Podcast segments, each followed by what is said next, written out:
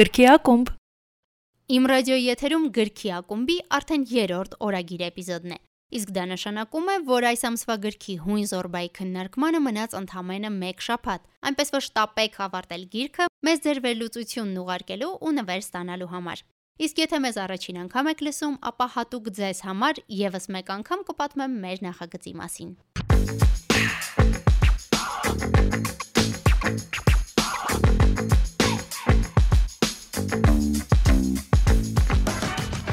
Իմ ռադիոն սկսել է ամենաիրական գրքի ակումբ, որի շրջանակում ամենամիս ընտրելու ենք մի գիրք, կարդալու, այնուհետև ռադիոյում սուրճի, թեյի, գուցե նաև գինու, գավաթի շորջ հավաքվելու եւ քննարկելու համար։ Իսկ մինչև կգա ամսվա վերջը, այսինքն քննարկման օրը, ամեն շաբաթ կունենանք օրագիր էպիզոդներ, որտեղ կխոսենք ինչպես մեր այդ ամսվա գրքի, այնպես էլ առհասարակ գրականության մասին։ Կայցելենք տարբեր միջոցառումներ, գրադարաններ ու գրախանութներ, կունենանք զրույցներ լավագույն հեղինակների, գրքասերների ու գրականագետների հետ։ Իսկ գիտես թե որն է այս ակումբի ամենալավ կողմը։ Այն, որ դրա անդամը կարող ես դառնալ նաև դու։ Դրա համար պարզապես պետք է հետևել ոդքասթին, կարդալ գրքերը, գրել դրանց մասին քո կարծիքը կամ վերլուծությունը քո ընտրած ձևաչափով եւ ուղարկել մեզ սոցկայքերի մեր էջերից մեկով։ Բայց սա դեռ ամենը չէ։ Լավագույն վերլուծությունների հեղինակները կստանան նվեր, գիրք, իմ ռադիոյի եւ գործընկերների կողմից։ Գրքասերների հետ հարցազրույցներ անելիս հաճախ եմ սկսում, որտեղից է գալիս գրքի հանդեպ սերը հարցից։ Այս էպիզոդի ընթացքում նույնպես այն անպայման հնչելու է, բայց մինչև հյուրին ուղղելը հիշեցի այս հարցի իմ պատասխանը։ Փոքր էի, մայրս տարել էր խնկո ապոր գրադարան։ Այդ օրը փոքրիկների համար հեքիաթներ էին կարդալու։ Այդ տարիքից շատ քիչ հիշողություններ ունեմ, դրա համար նույնիսկ վստահ չեմ, արդյոք սրահն այնքան մեծ էր, գեղեցիկ ու հեքիաթային, որքան ես եմ հիշում, ու վստահ չեմ թե ով էր կարդում հեքիաթը, բայց հաստատ հիշում եմ գետնին դրած կլոր բարձերը, դմփիկները, որոնց վրա նստած երեխաներով ամբողջովին ականջ դարձած լսում էինք ընթերցողին։ Կլորացրած աչքներս Թումանյանի հեքիաթների այն հայտնի գրքի հայտնի շապիկից չկտրելով։ Իրականում այս հիշողությունը վաղուց խամրել էր, ինչեւ որ նախորդ էպիզոդը ձայնագրելիս պատահաբար իմացա, որ Զանգակ գրատունն արդեն երկար ժամանակ է ինչ ունի մանկական գրքի ակումբ։ Հենց այստեղ մանկական հիշողությունը ոչ միայն թարմացավ, այլ կարծես նույնիսկ կենթանացավ, երբ տեսա տասնյակ փոքրիկների կլորացրած աչքերը, որոնք լսում էին, թե ինչպես է Սերգեյ Սարգսյանը պատվում փոքրիկ իշխանը։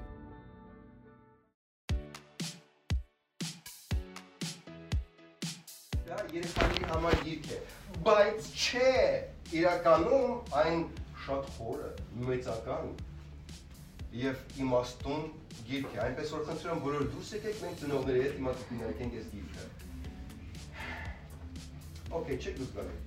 Պայն, ձեր հետ կքննարկենք։ Գրողը օթաչու էր։ Այս հենց հեղինակի նկարած նկարն է Իսկ ով կարա գուշակի, ով որ կարդացել է չաս սուս, սուս, սուս։ Ես չեմ կարդացել։ Ես գիտեմ ես դրա մեջ ինչ կա։ Ես կարդացել։ Ես տեսել եմ, բայց։ Լավ, ես կարդացել։ Ես դրա մուլտիկն եմ նայել, էդի մեջը Okay։ Մարդ, որը մուլտիկը չի տեսել, կարող է մտածել, որ այս նկարի Տեսել եմ, բայց ինչ Զուխարը այսքան սուր չի լի։ Okay։ Երբ ասում են, որ փոքրիկները շատ ուրախadir լսում էին, հանկարծ չկարծեք, թե անհամաձայնություններ չէին լինում։ Բաղբաղներ, բաղբաղներ կարող են մոլորա, մոլորակը այնքան մեծանալ, որ իր մոլորակը շատ փոքր է, այնքան թե որ իր մոլորակը մոլորակի վրա տեղ չի մնալու։ Հենց գրքի վրա իրականում պատկերված է մոլորակը, այնպես որ բոլորը կարող եք դնել ինչքան մեղված կա եւ ինչքան քիչ տեղ կա մոլորակի վրա։ Չէ, այս սենակից չգիտեմ, ինքը կլոր է, սենյակը սկան կլոր չի։ Բայց շատ շատ քիչ տեղ կա եւ բաոբաբը կարող է զբաղեցնել ամբողջ տեղը։ Սկզբում իհարկե բազմաթիվ էքսպերիմենտներ են կարել եւ գտել ենք տարբեր մեթոդներ, ոնց իրանց համ հետաքրքրության մեջ պահենք, համ ուշադրությունը պահենք, համ երկրորդ անգամ էլ գան, չձանձրանալ։ Դրա համար փորձում ենք տարբեր մանկավարժական մոտեցումներ, փորձում ենք նաև ինչ որ արտիստական մոտեցումներ, ձայնի ելևեջներ ենք անընդհատ փոխում, փորձում ենք անակնկալներ մտցնել հեքիաթների մեջ ու իրանց ամեն հնարավորության դեպքում ներգրավել, թույլ տալ, որ իրանք ֆանտազիան օգտագործելով մասնակցեն։ Ամենաարդյունավետ հնարը այնա երբ հարցնում եմ դուք ինչ կանեք կերպարի տեղում։ Ու ստեղ սկսում է սկսած Հարի Փոթերից մինչև փոքրիկ իշխանից ամեն մեկը իր տարբերակն ասում, «Ա ես սենց կանեի» ու շատ հաճախ իրանք էլ են զարմանում, որ ավելի արդյունավետ միջոցներ են գտնում, քան գրքի հերոսները ինչ որ վիճակից դուրս գալու համար։ Բոլորը մնացած նորմալ մարդկանցով, որոնք սիրում են կեչուպ, չնայած կեչուպը չարի կա, իրականում մեջ լիքը շաքար կա, աղ կա,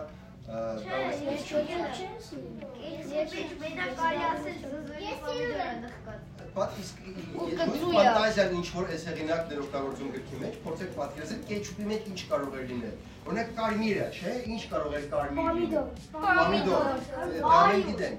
Արյուն։ Չէ, կծու։ Կարմիր ինչ որ։ Կարմիր, որթան կարմիր։ Որթան կարմիր։ կարմիր, կարմիր։ Քանի որ մենք նույնպես համաձայն ենք Սերգեյի հետ այն հարցում, որ կարևոր է գրականությունն ու գրքերի աշխարհը երեխաներին ճիշտ ձևով ներկայացնելն ու այսպես ասած ճիշտ տեղից սկսելը, իմ գործընկերն ունեն առանձնացրել է լավագույն մանկական գրքերից 5-ը, որոնք կարող են ստիպել սիրել կարդալ։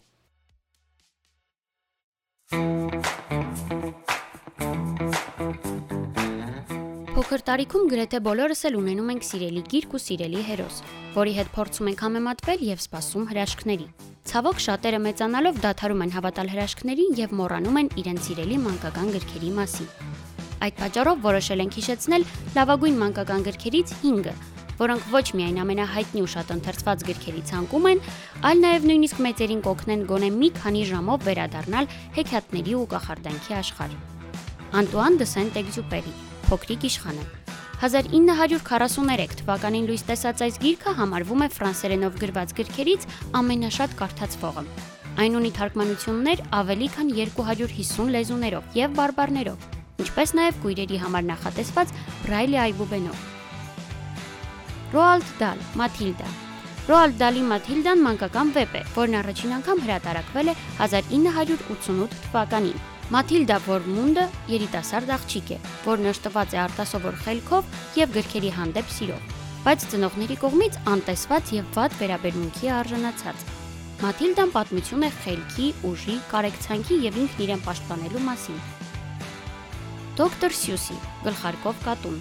1957 թվականին հրատարակված այս դասական գիրքը սիրված է ինչպես երեխաների, այնպես էլ մեծահասակների շրջանում։ Այն ներկայացնում է գլխարկով չարաճճի կատուն, որն անձրևոտ օրը քաոս եւ զվարճանք է ստեղծում երկու ձանձրալի երեխաների համար։ Գրքի մնայուն падգամներից է երևակայության եւ ստեղծագործելու կարեւորությունը։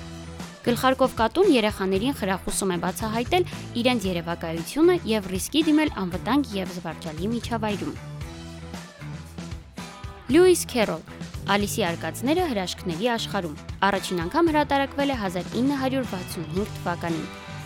Ալիսի արկածների միջոցով ընթերցողները հրավիրվում են կասկածի տակ առնելու իրենց ենթադրությունները շրջապատող աշխարհի մասին եւ տեսնելու իրերը նոր ու տարբեր տեսանկյուններից։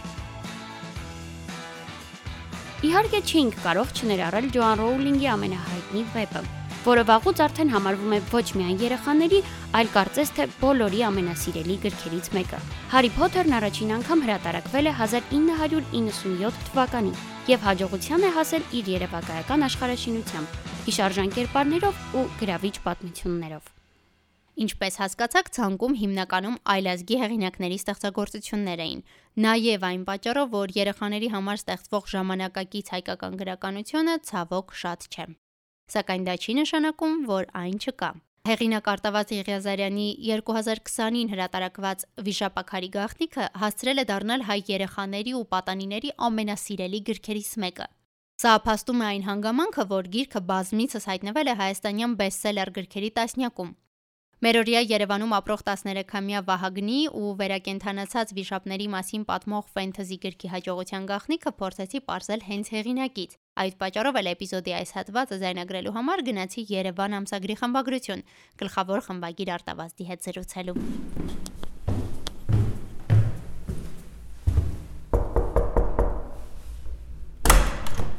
Բարև ձեզ։ Ես վեգան եմ, կարելի է։ Իհարկե։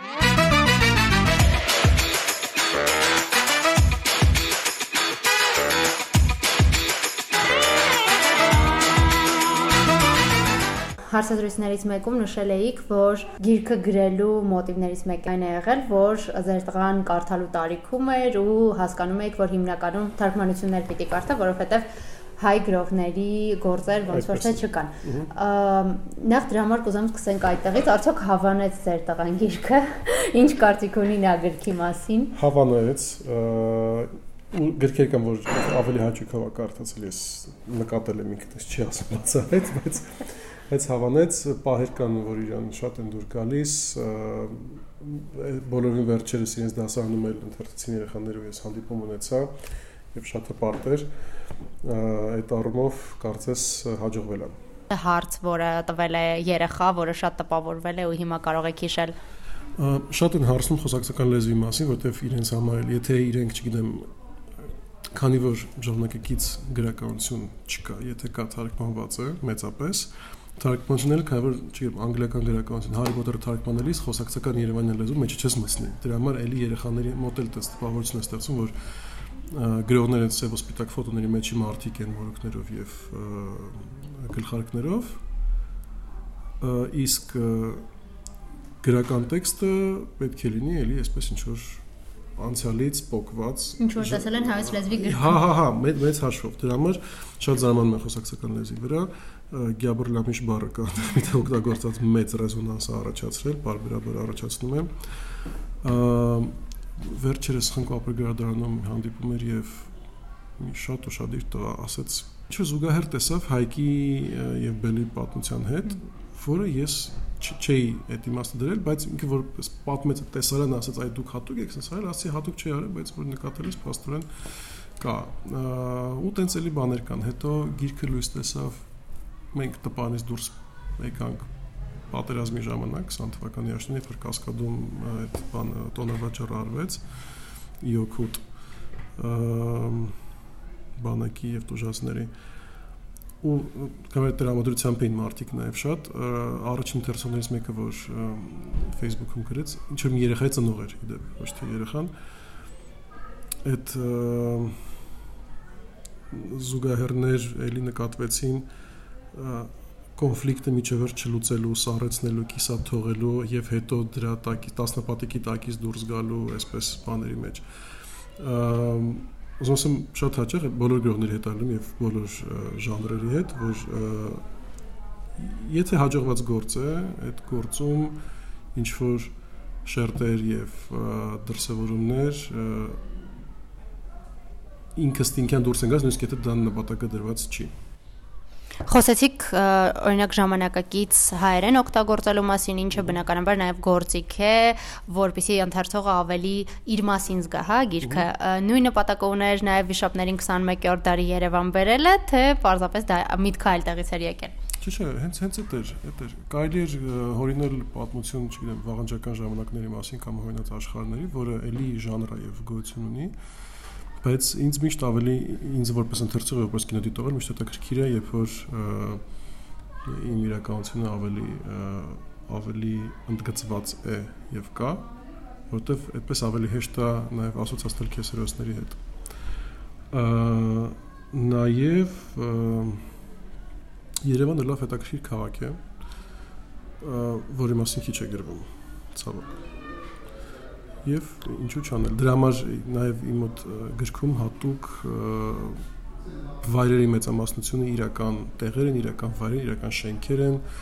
չեմ Պոպլավոկի այգին, Մոսկովյանի լքված շենքը, Մասիվում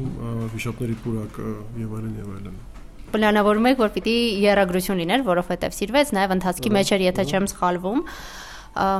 Նորություններ կան այս մասով պլանները դեռ ուժի մեջ են, թե ոչ։ Ես շատ վստահացի, որ 3 գիրք կգրեմ, հիմա վստահ չեմ, բայց երկրորդը գրում եմ անընդհատ, բայց իդեպ էլ իմ համար բացատրում է, առաջին անգամ է ինչ որ մի եղած գրքի շարունակություն գրում, սիկվել գրում։ Եվ բարձրացած որ դժվար է շատ ու հիմա երբ որ մենք տես բոլորս շատ հաճախ մեղադրում ենք երկրորդ երրորդ ֆիլմերի նկարողներին, դա իրոք դժվար է։ Այդպես երկրորդը կլինի հանդեպս լիքը լավ մտքեր կան զարգացնելու աշխարհը եւ միջավայրը, երրորդը դեռ չգիտեմ։ Կա ուրեմն նախնական գուցե հաստատված արդեն։ Մի խոսքով գերմաներեն հրատարակությունն են պատրաստում մեր գործընկերները ռուսերեն թարգմանություն ենք անում Անտարեսը